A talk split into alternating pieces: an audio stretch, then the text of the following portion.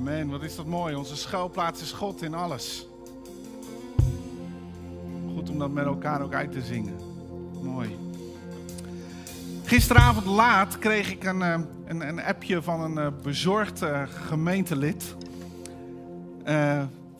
Jij weet al wat voor appje dat is. wat zich afvroeg of ik vanmorgen wel zou kunnen preken nu Ajax zo slecht gespeeld had. Ik denk dat het net lukt. Wat ik gemerkt heb, dat ook in je diepste teleurstelling het woord blijft staan. Dus Mark, bedankt. Het is toch mooi als iedereen zo meeleeft gewoon. Dat, uh, ja. Vanmiddag speelt Feyenoord, geloof ik. Ik denk dat ik mijn telefoon in de aanslag hou. dus, ik wil met u uh, spreken voor degenen die er vorige keer toen ik sprak niet waren. Ik, ik spreek over het onderwerp salving. En ik heb toen gesproken over dat er eigenlijk drie niveaus, drie lagen van zalving zijn. En dat als de zalving toeneemt, ook de verantwoordelijkheid toeneemt. En dat we uh, met elkaar kunnen groeien ook in de zalving van God. En uh, als u daar meer over wil weten en niet was, kijk die prediking nog even terug. Maar ik zei eigenlijk, het eerste is de innerlijke zalving of hartzalving. Uh, het Engels zegt de abiding anointing. Vind ik eigenlijk veel mooiere tekst, dat krijg je niet zo lekker vertaald maar de, zalving in je. De tweede was de bekrachtigende zalving, eigenlijk de bediening. De, de dingen waarmee je uitreikt, de, God, dingen die God door je leven heen wil doen. En er kan een zalving op een leven liggen dat, dat dingen door je leven heen gebeuren. En de derde, de autoriteitszalving, echt waar, waar dingen helemaal veranderd worden. Waar steden omgekeerd worden, waar, waar bolwerken geslecht worden, waar van alles gebeurt. En het gekke is, heel vaak willen wij wel tekenen voor de tweede en de derde. Namelijk dat er van alles door ons leven heen gebeurt. Dat de wonderen en tekenen geschieden. En we willen heel graag dat, dat alles op zijn kop gaat. En dat er doorbraken zijn. Maar misschien dat we soms wel voorbij gaan aan de belangrijkste. En dat is ook waar ik de komende twee predikingen bij stil wil staan. Bij eigenlijk de innerlijke zalving of de hartszalving. Dat wat hier binnen gebeurt. Hier in jouw leven. Want we zeiden ook, de, de verantwoording neemt toe. We kunnen met elkaar willen dat Zwijndrecht op zijn kop gaat. En ik wil dat. Maar dat brengt een verantwoordelijkheid van de kerk, van de gemeente, van christenen met zich mee. En helaas hebben we soms ook te vaak gezien dat er opwekkingen zijn die dan ook weer uitdoven. Soms doordat er dingen scheef groeien, verkeerd gaan. En ik geloof dat dat te maken heeft met eigenlijk die innerlijke zalving. Velen van ons kennen de teleurstelling van de kracht van God zichtbaar hebben gezien. Eh, de kracht van God hebben zien bewegen. En eigenlijk ook de crash van schade die daar soms uit voortkomt. En ik denk dat dat te maken heeft met het onderwerp van vandaag, met je innerlijke zalving. We gaan met elkaar lezen 1 Johannes 2, vers 27, heb ik vorige keer ook gelezen, maar het is onze starttekst van vandaag. Daar spreekt de Bijbel over die innerlijke zalving. En wat u betreft, zegt Johannes, de zalving die u van hem hebt ontvangen, blijft in u, abide. En u hebt het niet nodig dat iemand u onderwijst. Maar zoals deze zalving u onderwijst met betrekking tot alle dingen, en die zalving is waar en geen leugen, en zoals ze u heeft onderwezen, zo moet u in hem blijven. Er zijn weer van die heerlijke Paulus-zinnen die je gewoon 16 keer moet lezen voordat je denkt, ik snap er een stukje van. Hoe die dat toch deed, om al dat soort zinnen te maken. Maar waar Paulus hierover spreekt, is de, of eh, sorry, Johannes over spreekt, is de naar binnen gerichte zalving. Eigenlijk de zalving in je. Diep in je hart, diep in je leven. Dit gaat over de zalving voor jouw persoonlijk leven. Dit gaat over jouw leven met God.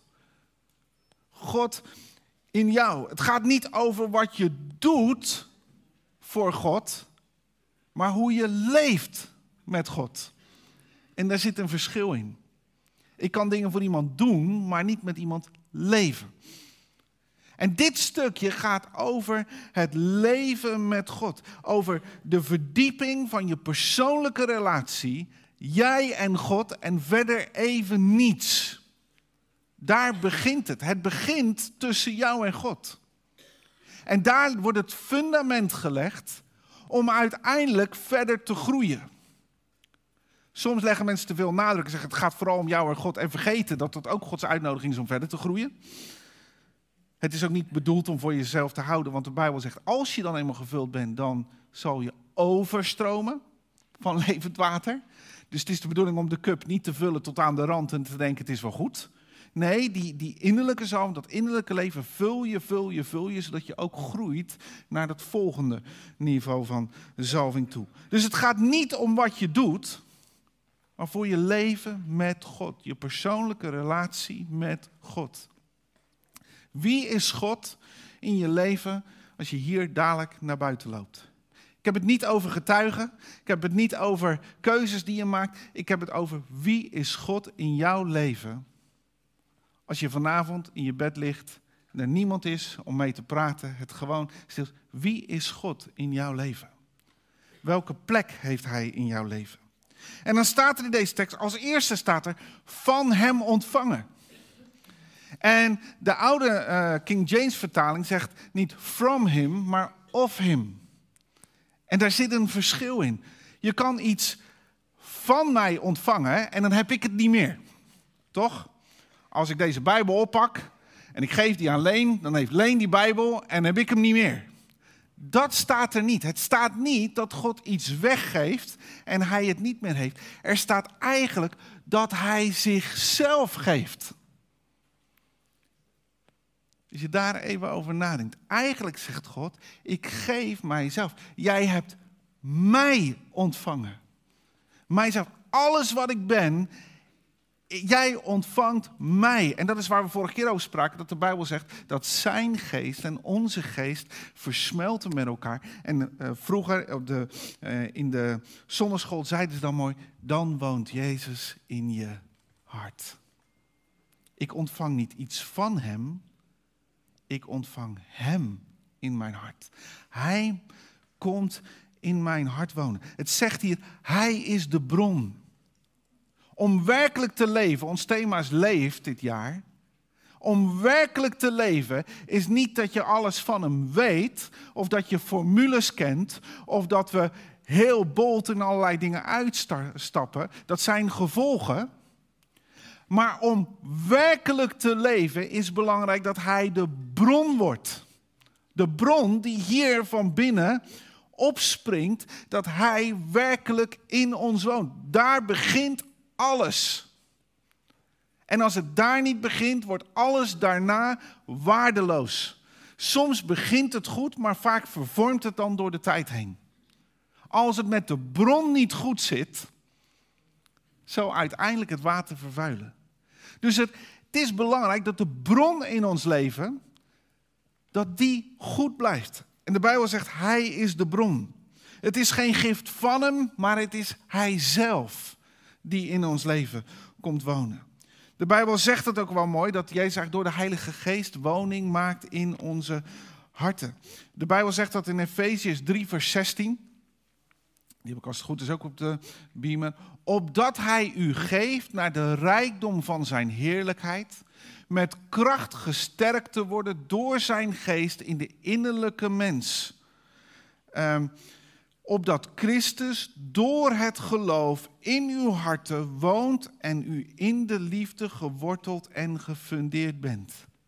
Zo mooi wat, wat, wat hier staat. Het zegt dus dat zijn geest iets in het diepste van mijn wezen wil doen. Dat hij daar komt wonen, dat hij Jezus daar brengt en dat alles waar mijn leven van uitgaat mee begint, start met hem en met niets anders. Hij wordt de bron van mijn, uh, van mijn leven.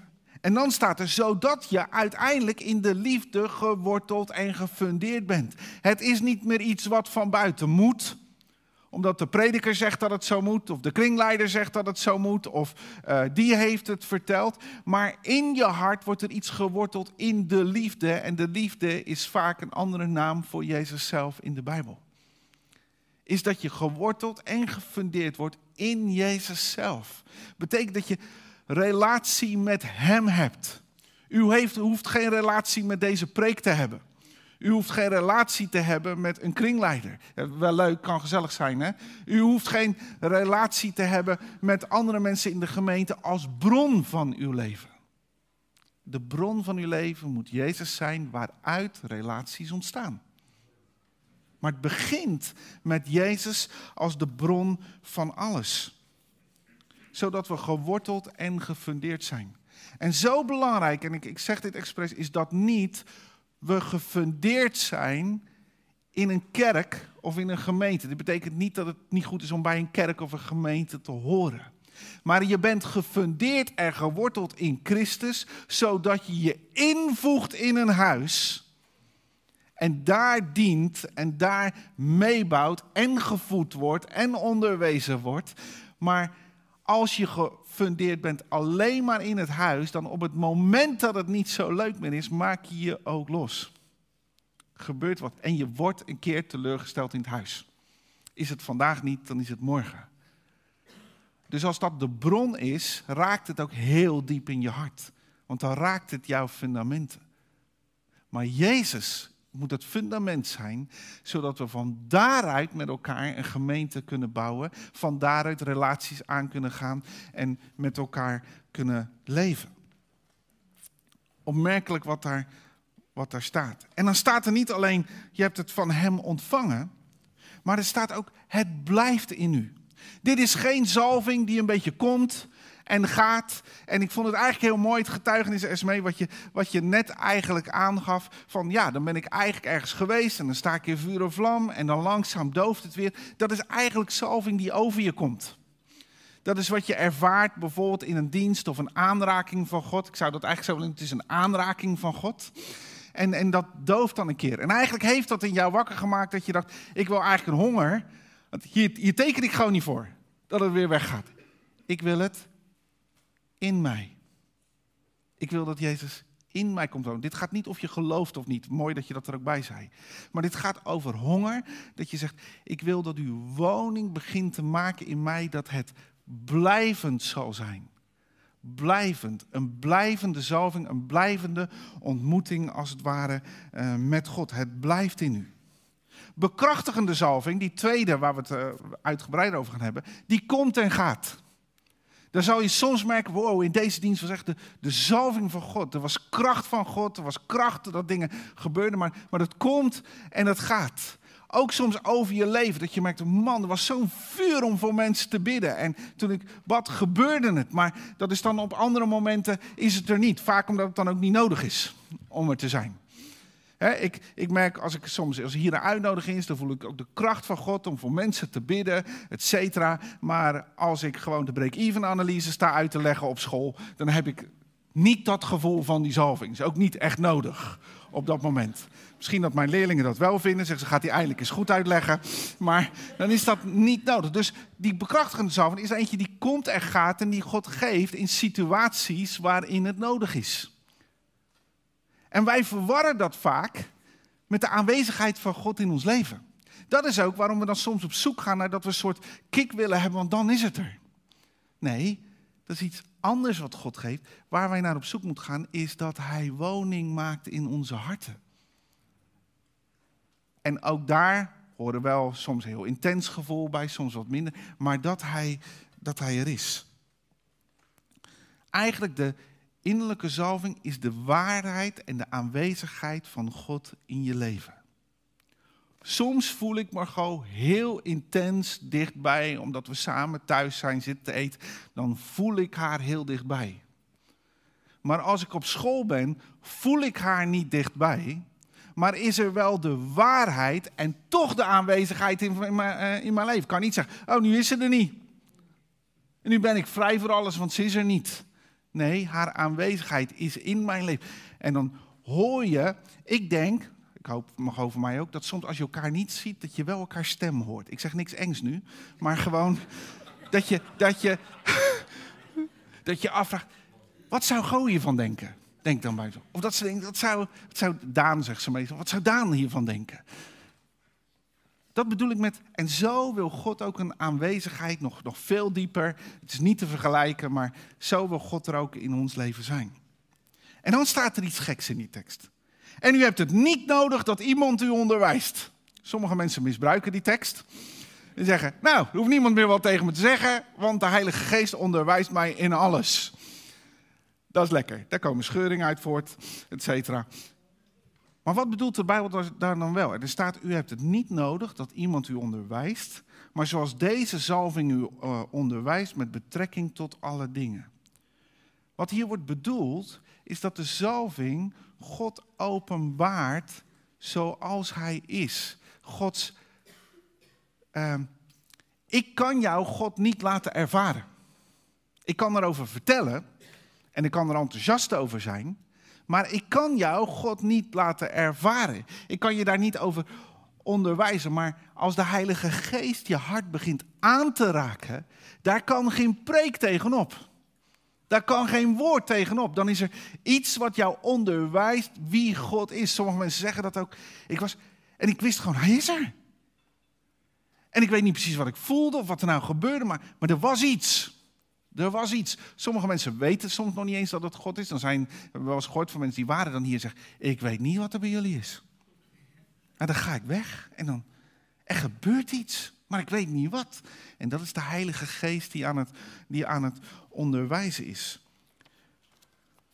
Ik geloof dat dit betekent dat we God mogen leren kennen uit relatie, in plaats van alleen maar wat anderen over hem vertellen. Waar de Bijbel hierover spreekt, is, geloof ik, mag er anders over denken, maar wat de Bijbel hierover zegt, is niet dat je maar je eigen gang kan gaan en niemand hoeft te luisteren. Maar dat als het gaat over de relatie met God, God een persoonlijke relatie met jou aan wil gaan. Ik leer Margot kennen omdat we relatie hebben met elkaar. En het zou niet goed zijn als ik er nooit zie en een ander mij alleen maar over haar vertelt. Dan hebben we geen relatie. En het is ook wel apart wat namelijk de Bijbel hier zegt. De tekst die daarvoor staat, zegt Johannes namelijk: Deze dingen heb ik u geschreven met betrekking tot hen die u misleiden. Dus blijkbaar leefden deze christenen in een tijd waar mensen allerlei dingen op hun afvuurden. En allerlei dingen tegen hun, uh, tegen hun zeiden. En eigenlijk soms ze in verwarring waren. En eigenlijk wat Johannes zei is: ga terug naar wie God in je hart is. Laat je niet gek maken door al die dingen die om je heen gezegd worden. En die zegt dat het zo is en die zegt dat het zo is. Zegt, je wordt er gek van. Ga terug naar eigenlijk wie is God in mijn leven. Pas geleden sprak ik uh, met iemand en zei: Ik word soms een beetje onrustig. Er komen de mensen uh, op bezoek in dat tehuis en die vertellen allerlei dingen over kerken. En ik weet het allemaal niet meer. En ik zei tegen hem: Maar weet je nog wie Jezus is? En zei hij, ja. ja ik zeg, hou je van hem? Ik zeg, ja. Ik zeg, hou je daar dan aan vast en laat de rest los. En toen zei hij tegen me, ik voel me weer rustig worden. En volgens mij is dat wat de Bijbel hier soms gebeurt. Soms zijn we zo bezig met die buitenkant. Maar zegt de Bijbel, ga terug naar wie God in je hart is. Naar je persoonlijke relatie met God. Leven uit relatie met God, dan word je niet weggetrokken. Dat is eigenlijk wat de Bijbel hier zegt. Zorg dat jouw relatie met God zo levend is dat het je niet weg kan trekken vanuit je relatie met God. Als mijn relatie met Margot diep is, dan is het lastig om mij of haar weg te trekken. Maar als de relatie er niet meer is, we langs elkaar heen lopen en mensen gaan dingen zeggen over Margot of ze gaan dingen zeggen over mij, dan drijf je uit elkaar. Dan denk je, zou het misschien waar zijn? Of wat, en dan komen er allerlei dingen in je hart en dan mis je elkaar. En Johannes zegt hier, laat je niet misleiden, maar bouw aan die relatie met God en zorg dat die stevig is. Zie je nu hoe belangrijk het is dat we eerst aan die innerlijke zalving bouwen met elkaar? Er is namelijk een verschil en die wil ik toch even neerleggen. Het verschil tussen die innerlijke en die bekrachtigende zalving. We zijn een beetje technisch vandaag, maar dat vind ik leuk. Mijn hele lerarenhart komt boven. Dus ik hou daarvan. Maak je borst maar nat. Er is een verschil tussen de innerlijke en de bekrachtigende zalving. Uh, de Bijbel zegt, die zalving is waar en geen leugen. De innerlijke zalving. Dus je relatie met God. Soms is er innerlijke overtuiging over dingen. Soms zijn wij ergens en we spreken iemand en het klopt allemaal en we gaan weg en zeggen, het zit niet goed. Ik kan mijn vinger er niet op leggen. Aan de buitenkant klopt alles, maar het zit niet goed. Er is iets. Ik geloof dat is de Heilige Geest die in jou getuigt over een situatie die je tegenkomt. Waar aan de buitenkant nog niks meetbaar is van waarom het wel of niet goed is. Maar dat je, wij zeggen wel eens, ik voel een randje. Ik voel een randje ergens. En dat is die innerlijke zalving waar de geest dus overtuigt en onderwijst in je hart. En je dus, wat Jezus ook belooft, leidt in de weg die je moet gaan. Moet je dan altijd gelijk oorlog over maken? Soms is dat niet verstandig. Soms is het gewoon goed om dat in je hart te bewaren en zeggen: God, dan moet u het ook duidelijk maken. Naar boven brengen, we bidden ervoor. Maar zo wil de Heilige Geest overtuigen. Uh, eigenlijk die innerlijke zalving is dus voor de openbaring wie God is, God kennen. En het beschermt je tegen misleiding. Het beschermt je dat je weggetrokken wordt. Nu een gevaarlijke. Je kunt misleid worden als er zalving op je leven is en niet in je. Je kunt dus wel misleid worden als er zalving op je leven is, maar niet in je. Wat, wat bedoel ik daarmee? In de bekrachtigende zalving is ruimte voor misleiding. Ga je nou allemaal zeggen, Danny. In de bekrachtigende zalving is ruimte voor misleiding, maar de innerlijke zalving beschermt je tegen misleiding. Wat bedoel ik daarmee? Je kunt gebruikt worden door God en toch God niet kennen. Dus je kunt, God kan dingen door jouw leven heen doen. Kunnen zelfs, zegt maar, wonderen en tekenen door jouw leven heen gebeuren. En toch dat het in je hart volkomen leeg is. Dat je dus van binnen niet gevuld bent. En hier zit een gevaar. Want sommige mensen meten voor zichzelf af hoe goed het zit met hun leven aan wat God door hun leven doet.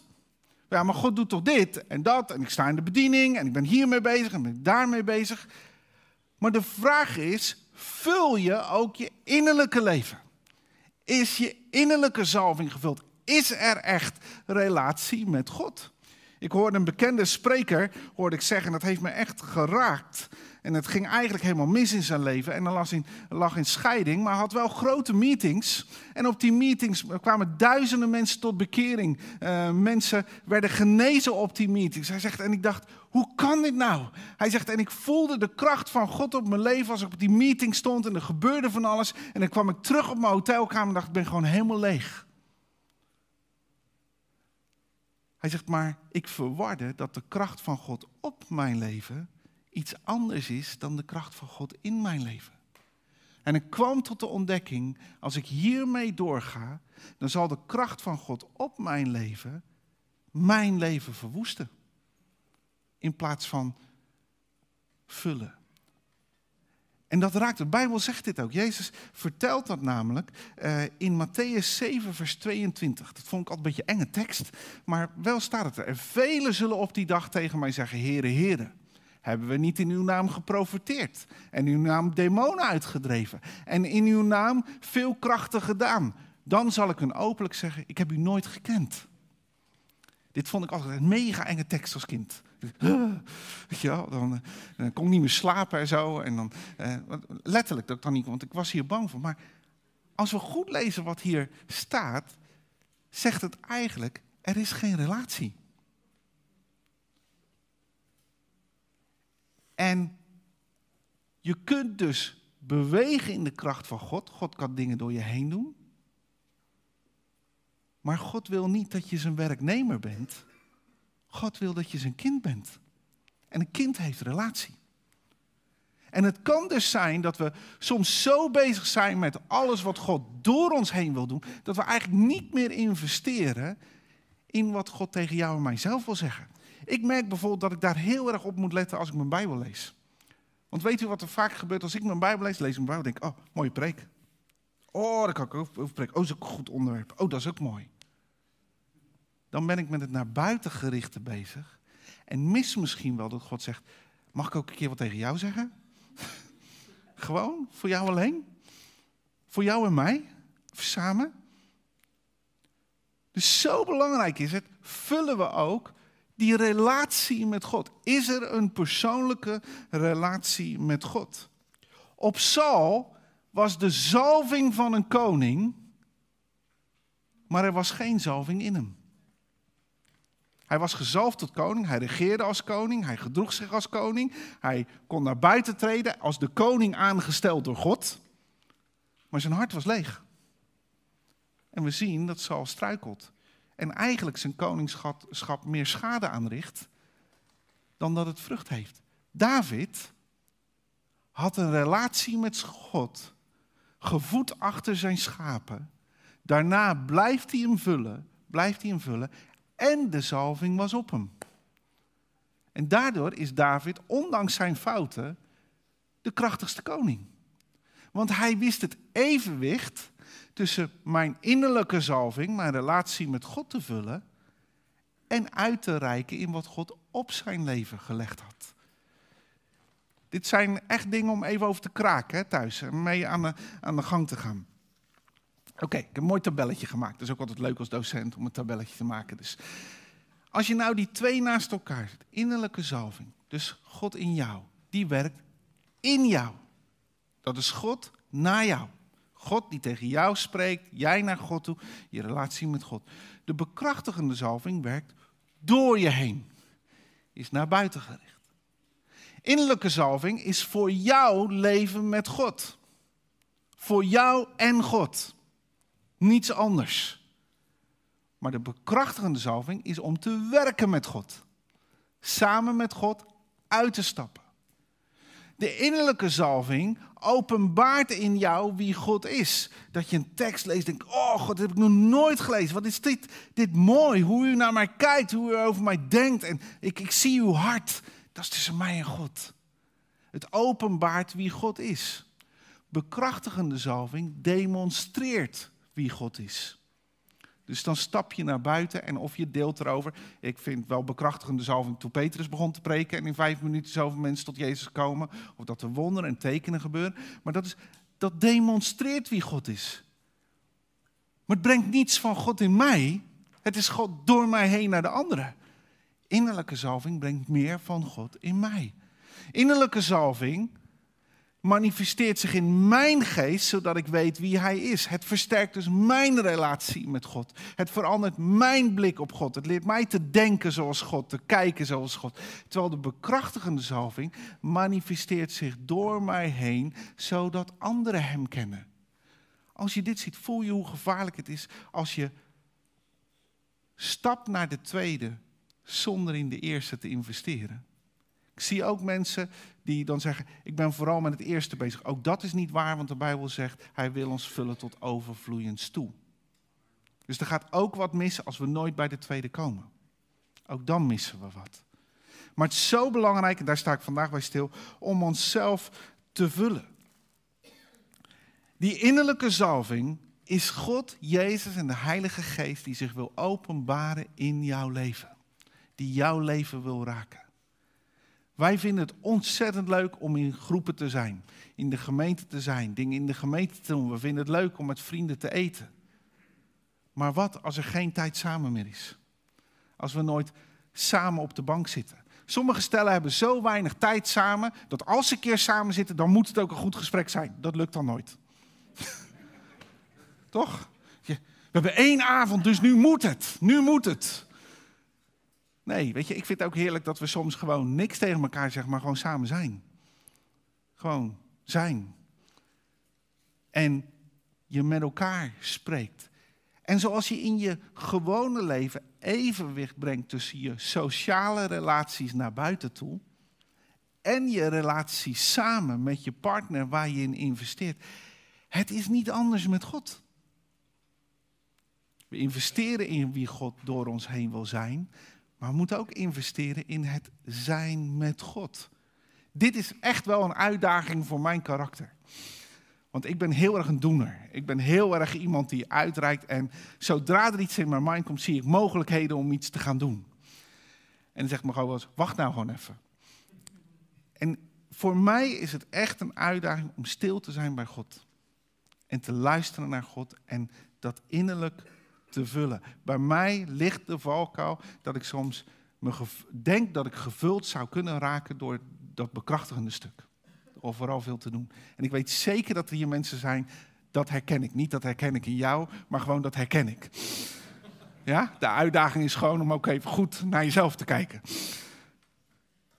Maar het is belangrijk dat er evenwicht is tussen, tussen die twee. God wil zich openbaren aan jou. Vind ik ook zo mooi als Elia in nood is, dan neemt God hem mee en God gaat aan hem voorbij. En in de wind was de Heer niet, of in de, uh, de donder was er niet, in, maar in de stilte, de koele bries, daarin was God. En belangrijk is, nemen we die tijd ook met elkaar. Zodat we veranderen naar zijn beeld. Als op een prediking als vandaag niet een moment volgt om zelf te werken aan je innerlijke zoon. Dus zeggen, God, wat wilt u nou tegen mij zeggen hier doorheen? Uh, en, en daarmee in de gang gaat. Als dat niet volgt, is uw ochtend vanmorgen zinloos geweest. Want dan heeft u alleen niets gehoord. Als ik mijn Bijbel lees alleen maar omdat ik denk dat God blij is dat ik een hoofdstukje heb gedaan, dan heb ik gewerkt voor God. Maar als ik mijn Bijbel lees, zeg, God, hier wil, wil ik u gewoon door leren kennen, dan ga ik hem ontmoeten. Kom ik nog even op terug zo. Ik ga iets te snel, merk ik. Uh, en dan staat er, en zoals ze u heeft onderwezen, zo moet u in hem blijven. Dus de Bijbel zegt ook, je moet er mee aan de gang. Je moet in hem blijven. Je moet dit blijven vullen. Je moet dit blijven onderhouden. Vandaar dat ik deze preek ook olie voor het hart uh, heb genoemd. Als we deze zalving onderhouden, blijven voeden en in blijven investeren, zoals je dat ook in je huwelijk moet doen. Dat vind ik geen straf. Dat vind ik leuk. Daar geniet ik van. Maar ik moet wel doen. Als, als je dat blijft voeden en onderhouden, dan blijf je in Hem. Want er staat hier dus ook een opdracht aan jou en mij om in Hem te blijven. Hij blijft wel in ons. Hij wil wel. Maar hij nodigt ons ook uit om in hem te blijven. En dan word je niet misleid. Oké, heel kort, voordat u denkt, daar komt weer een drie punten preek. Drie punten waaraan je die zalving kan herkennen. Het ontstaat vaak na je bekering. En het leuke is, bij mensen die bekeerd worden, ontstaat het vaak heel enthousiast. Dan komt dat helemaal los. En openbaringen noemt dit je eerste liefde. Het is me soms ook opgevallen hoe vakkundig we als christenen soms bij anderen die eerste liefde om zeep helpen. Maar dat is een andere preek. Want dan zeggen we, doe even rustig. Komt nog wel. Weet je wel? Terwijl ik denk, dit doen we ook bij kinderen overigens. Hè? Kinderen worden heel open en spontaan geboren. We weten er vakkundig voor hun achttiende uit te krijgen. op een of andere manier. Maar God wil... Nee, het is een andere preek, laat maar. Um, Openbaring noemt het je eerste liefde. De eerste teken is honger. De eerste teken van je innerlijke zalving, dat die er is en om te blijven voeden, is honger. Als er één ding is waar een baby naar verlangt, is het eten. Moet je maar eens te laat zijn met een baby. Mensen met jonge kinderen, is dit herkenbaar? Dat als een kind honger heeft, dat je niet zegt, wacht nog maar een uurtje. Dat doe je niet, want dat kind laat echt weten dat er honger is. Dat is echt honger gewoon, weet je wel. Die stopt dan ook gewoon niet meer. Dat is eigenlijk een honger, een baby verlangt naar voedsel. En eigenlijk, honger is een honger naar leven. Want een kind beseft, als ik gevoed word, blijf ik leven. Beseft hij niet, maar dat is helemaal instinct. Ik moet die voeding hebben om te kunnen blijven leven. Dat element zou sterker in mijn leven, in onze levens moeten ontwikkelen. Dat ik denk, ik moet die voeding hebben van wie God is in mijn leven om te blijven leven. En we zouden moeten schreeuwen als baby's. Naar God toe bijna. Wordt aparte dienst dan. Maar we zouden moeten schreeuwen naar God eigenlijk van... Wow, ik heb honger, ik heb honger, ik heb honger. En wat gebeurt er als zo'n kind dan gevoed wordt? Dan komt het zo helemaal tot rust, dan is het voldaan. Dan... En eigenlijk is dat ook een teken, hebben we honger naar God. Als je geestelijk, in je geestelijke leven, na je geboorte, krijg je honger naar God. Gaan mensen een Bijbel lezen. En het is belangrijk om die honger te blijven activeren. Stop met genoegen nemen waar je bent. Stop ermee dat je denkt, ik weet genoeg van Jezus. Ik ken hem wel. Wij zijn al zo lang op de weg. Je kent nog geen fractie van hem. Althans, dat is waar ik steeds meer achter kom. Hoe meer ik naar hem verlang, hoe meer ik erachter kom, hoe weinig ik van hem weet en hoe gaaf het is om nieuwe dingen te vinden. Maar als ik geen honger meer heb, openbaren zich ook geen nieuwe dingen meer. Dan stopt het. En dan sterf je uiteindelijk geestelijk. Heb je nog een mooie vorm, maar dan sterf je uiteindelijk geestelijk. Als er geen honger is, sterf je. Honger kun je ontwikkelen. Dat noemen we in het Nederlands, dat smaakt naar meer. Als je eenmaal gaat proeven, als, ik, als ik probeer me een beetje in te houden, dus niet zoveel te eten, moet ik ook niet een klein beetje nemen. Ik misleid mezelf als ik zeg, ik neem één stukje. Kennen mensen dit? Of op een verjaardag, doe maar een klein stukje. Dan gebeurt er wat van. Want als je proeft, smaakt het naar meer. Als je geen honger hebt, zou ik zeggen, begin met eten, want het smaakt naar meer. Zet je ertoe om geestelijk te gaan eten, want dan smaakt het naar meer. Soms als je het proeft, weet je pas wat je mist. Ik vond het opmerkelijk, iemand vertelde dat. We hadden natuurlijk in corona een tijd dat mensen niet konden komen. En er was iemand hier, die kwam in de dienst. En na de dienst sprak ze me aan, huilend zei ze, ik dacht dat ik het niet miste. Totdat ik er vandaag was. Toen voelde ik wat ik miste. Oké, honger is een belangrijk. Ik heb uh, nog een mooie uitspraak, een mooie quote. Honger naar God brengt honger naar zijn woord en niet andersom.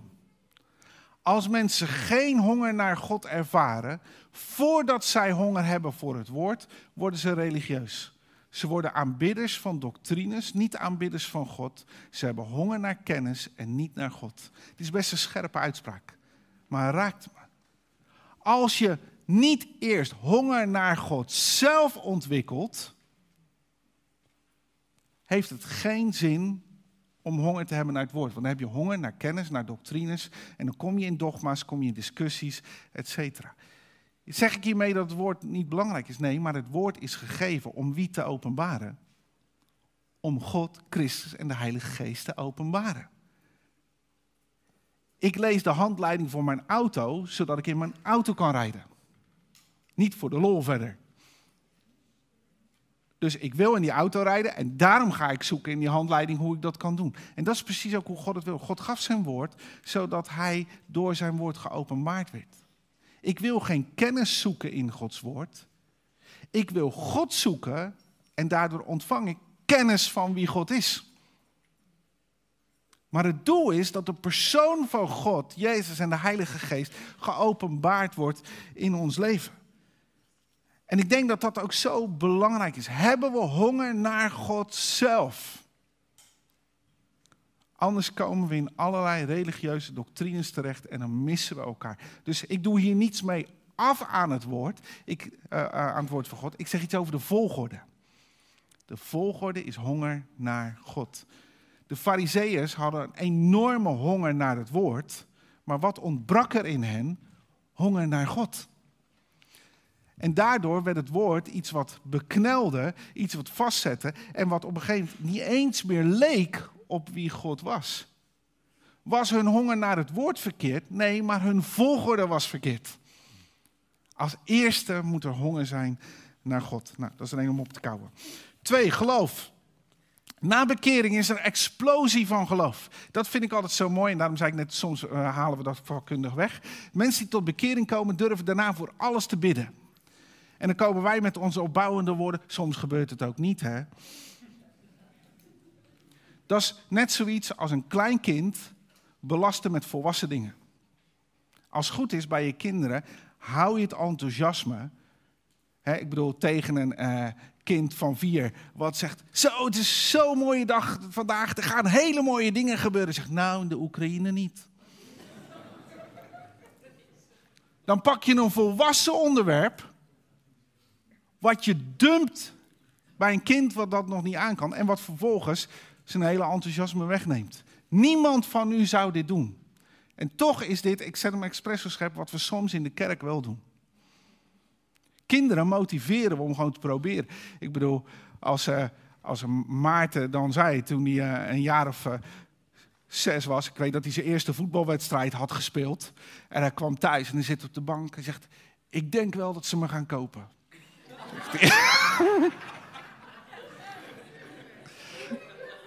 Dat is toch heerlijk? Na zijn eerste wedstrijd. Wat als ik dan tegen zegt: Man, je kan geen poot voetballen nog. Misschien wordt het ooit wat, maar vandaag was het het nog niet. Dan zou je allemaal tegen me zeggen: Doe normaal. Weet je wel? Dus wat hebben wij gezegd? Ik denk het ook, Maart. Denk aan ons. dat, uh, denk aan ons. En tuurlijk weet ik dat de kans heel klein is dat het, dat het gebeurt. Het, tuurlijk. Maar snap je een beetje dat je enthousiasme voedt? En zo moeten wij ook met geloof bij jonggelovigen omgaan. Het te enthousiasmeren, te motiveren en te doseren wanneer er ook volwassen groei komt. Nou, ik vond het wel belangrijk om even te zeggen geloof. Geloof is belangrijk. En laten we daar ook voor gaan. Ook in geloof zijn drie lagen. Je hebt het zaad van geloof. Het moment dat je God leert kennen, dat Hij je redding is, zijn aanwezigheid in je leven. Van daaruit begint eigenlijk de vrucht van geloof te ontwikkelen. Dat je gaat lijken op Jezus. Dat je wil zo zijn zoals Hij is. Dat je er achteraan begint je vrucht te dragen. En dan komt er ook de gave van geloof. Maar die hoort bij de bekrachtigende zalving. Want de gave van geloof is altijd voor anderen. Dat is wanneer jij bidt voor anderen. Dat is wanneer je uitstapt. Maar het begint, geloof wie God in jouw leven is. Gezond vaderbeeld van God hebben. Gezond beeld van Jezus hebben. En daarin groeien. De derde, dat belooft heel snel zo gaan die drie punten. De derde is de liefde. Innerlijke zalving in een leven herken je aan honger. Je herkent het aan geloof. En je herkent het aan liefde. De liefde, verlangen, de passie om met God te wandelen. Weet je, ik gebruik vaak even mijn relatie in dit voorbeeld, maar ik weet toen ik gek was op mijn, nog steeds, maar toen ik gek was op mijn gauw. Zij woonde in het fletje aan de Dahlia-straat. Ik wist niet hoe vaak ik erheen moest. Uit school ging ik erheen. Al was zij nog niet terug uh, uit de werk, dan was ik daar al. Dan reed ik rond de flat, wachten totdat ze thuis kwam. Ik, ik kookte voor haar. Alles wat ze vroeg wilde ik doen. En ik ging ervoor. En ik was vol passie. Ik had ineens ook amper slaap meer nodig, had ik het idee. Kennen mensen dit uit de tijd dat ze verliefd zijn? Dat je gewoon denkt, slapen, waarom? Weet je wel, gewoon... Gelukkig heb ik nooit gedacht, huiswerk, waarom? Eh, maar je hebt er alles voor over en er is maar één verlangen. Ik wil bij je zijn en ik ben bereid dingen van mijzelf op te geven om samen met jou te zijn. Innerlijke zalving kent die liefde. En soms zie ik in mensen dat ze proberen een handjeklap met God te spelen over de dingen die hij zegt.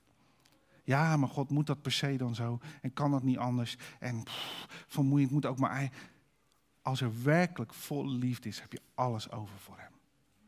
Dat is waarom mensen hun leven gaven voor het koninkrijk van God. Omdat ze geen handjeklap met God speelden, maar zeiden: U bent me alles waard.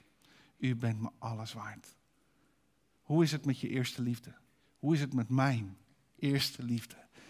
Zeg, God, vul me opnieuw met die eerste liefde. Liefde voor God, verlangen om met Hem te wandelen, Hem te dienen. Ik wil er alles voor over hebben. Ik vind het zo gaaf om mensen te zien die in vuur en vlam voor God staan. Ze zijn ook gek. Maar verliefde mensen zien er altijd gek uit. Maar we willen het allemaal zijn.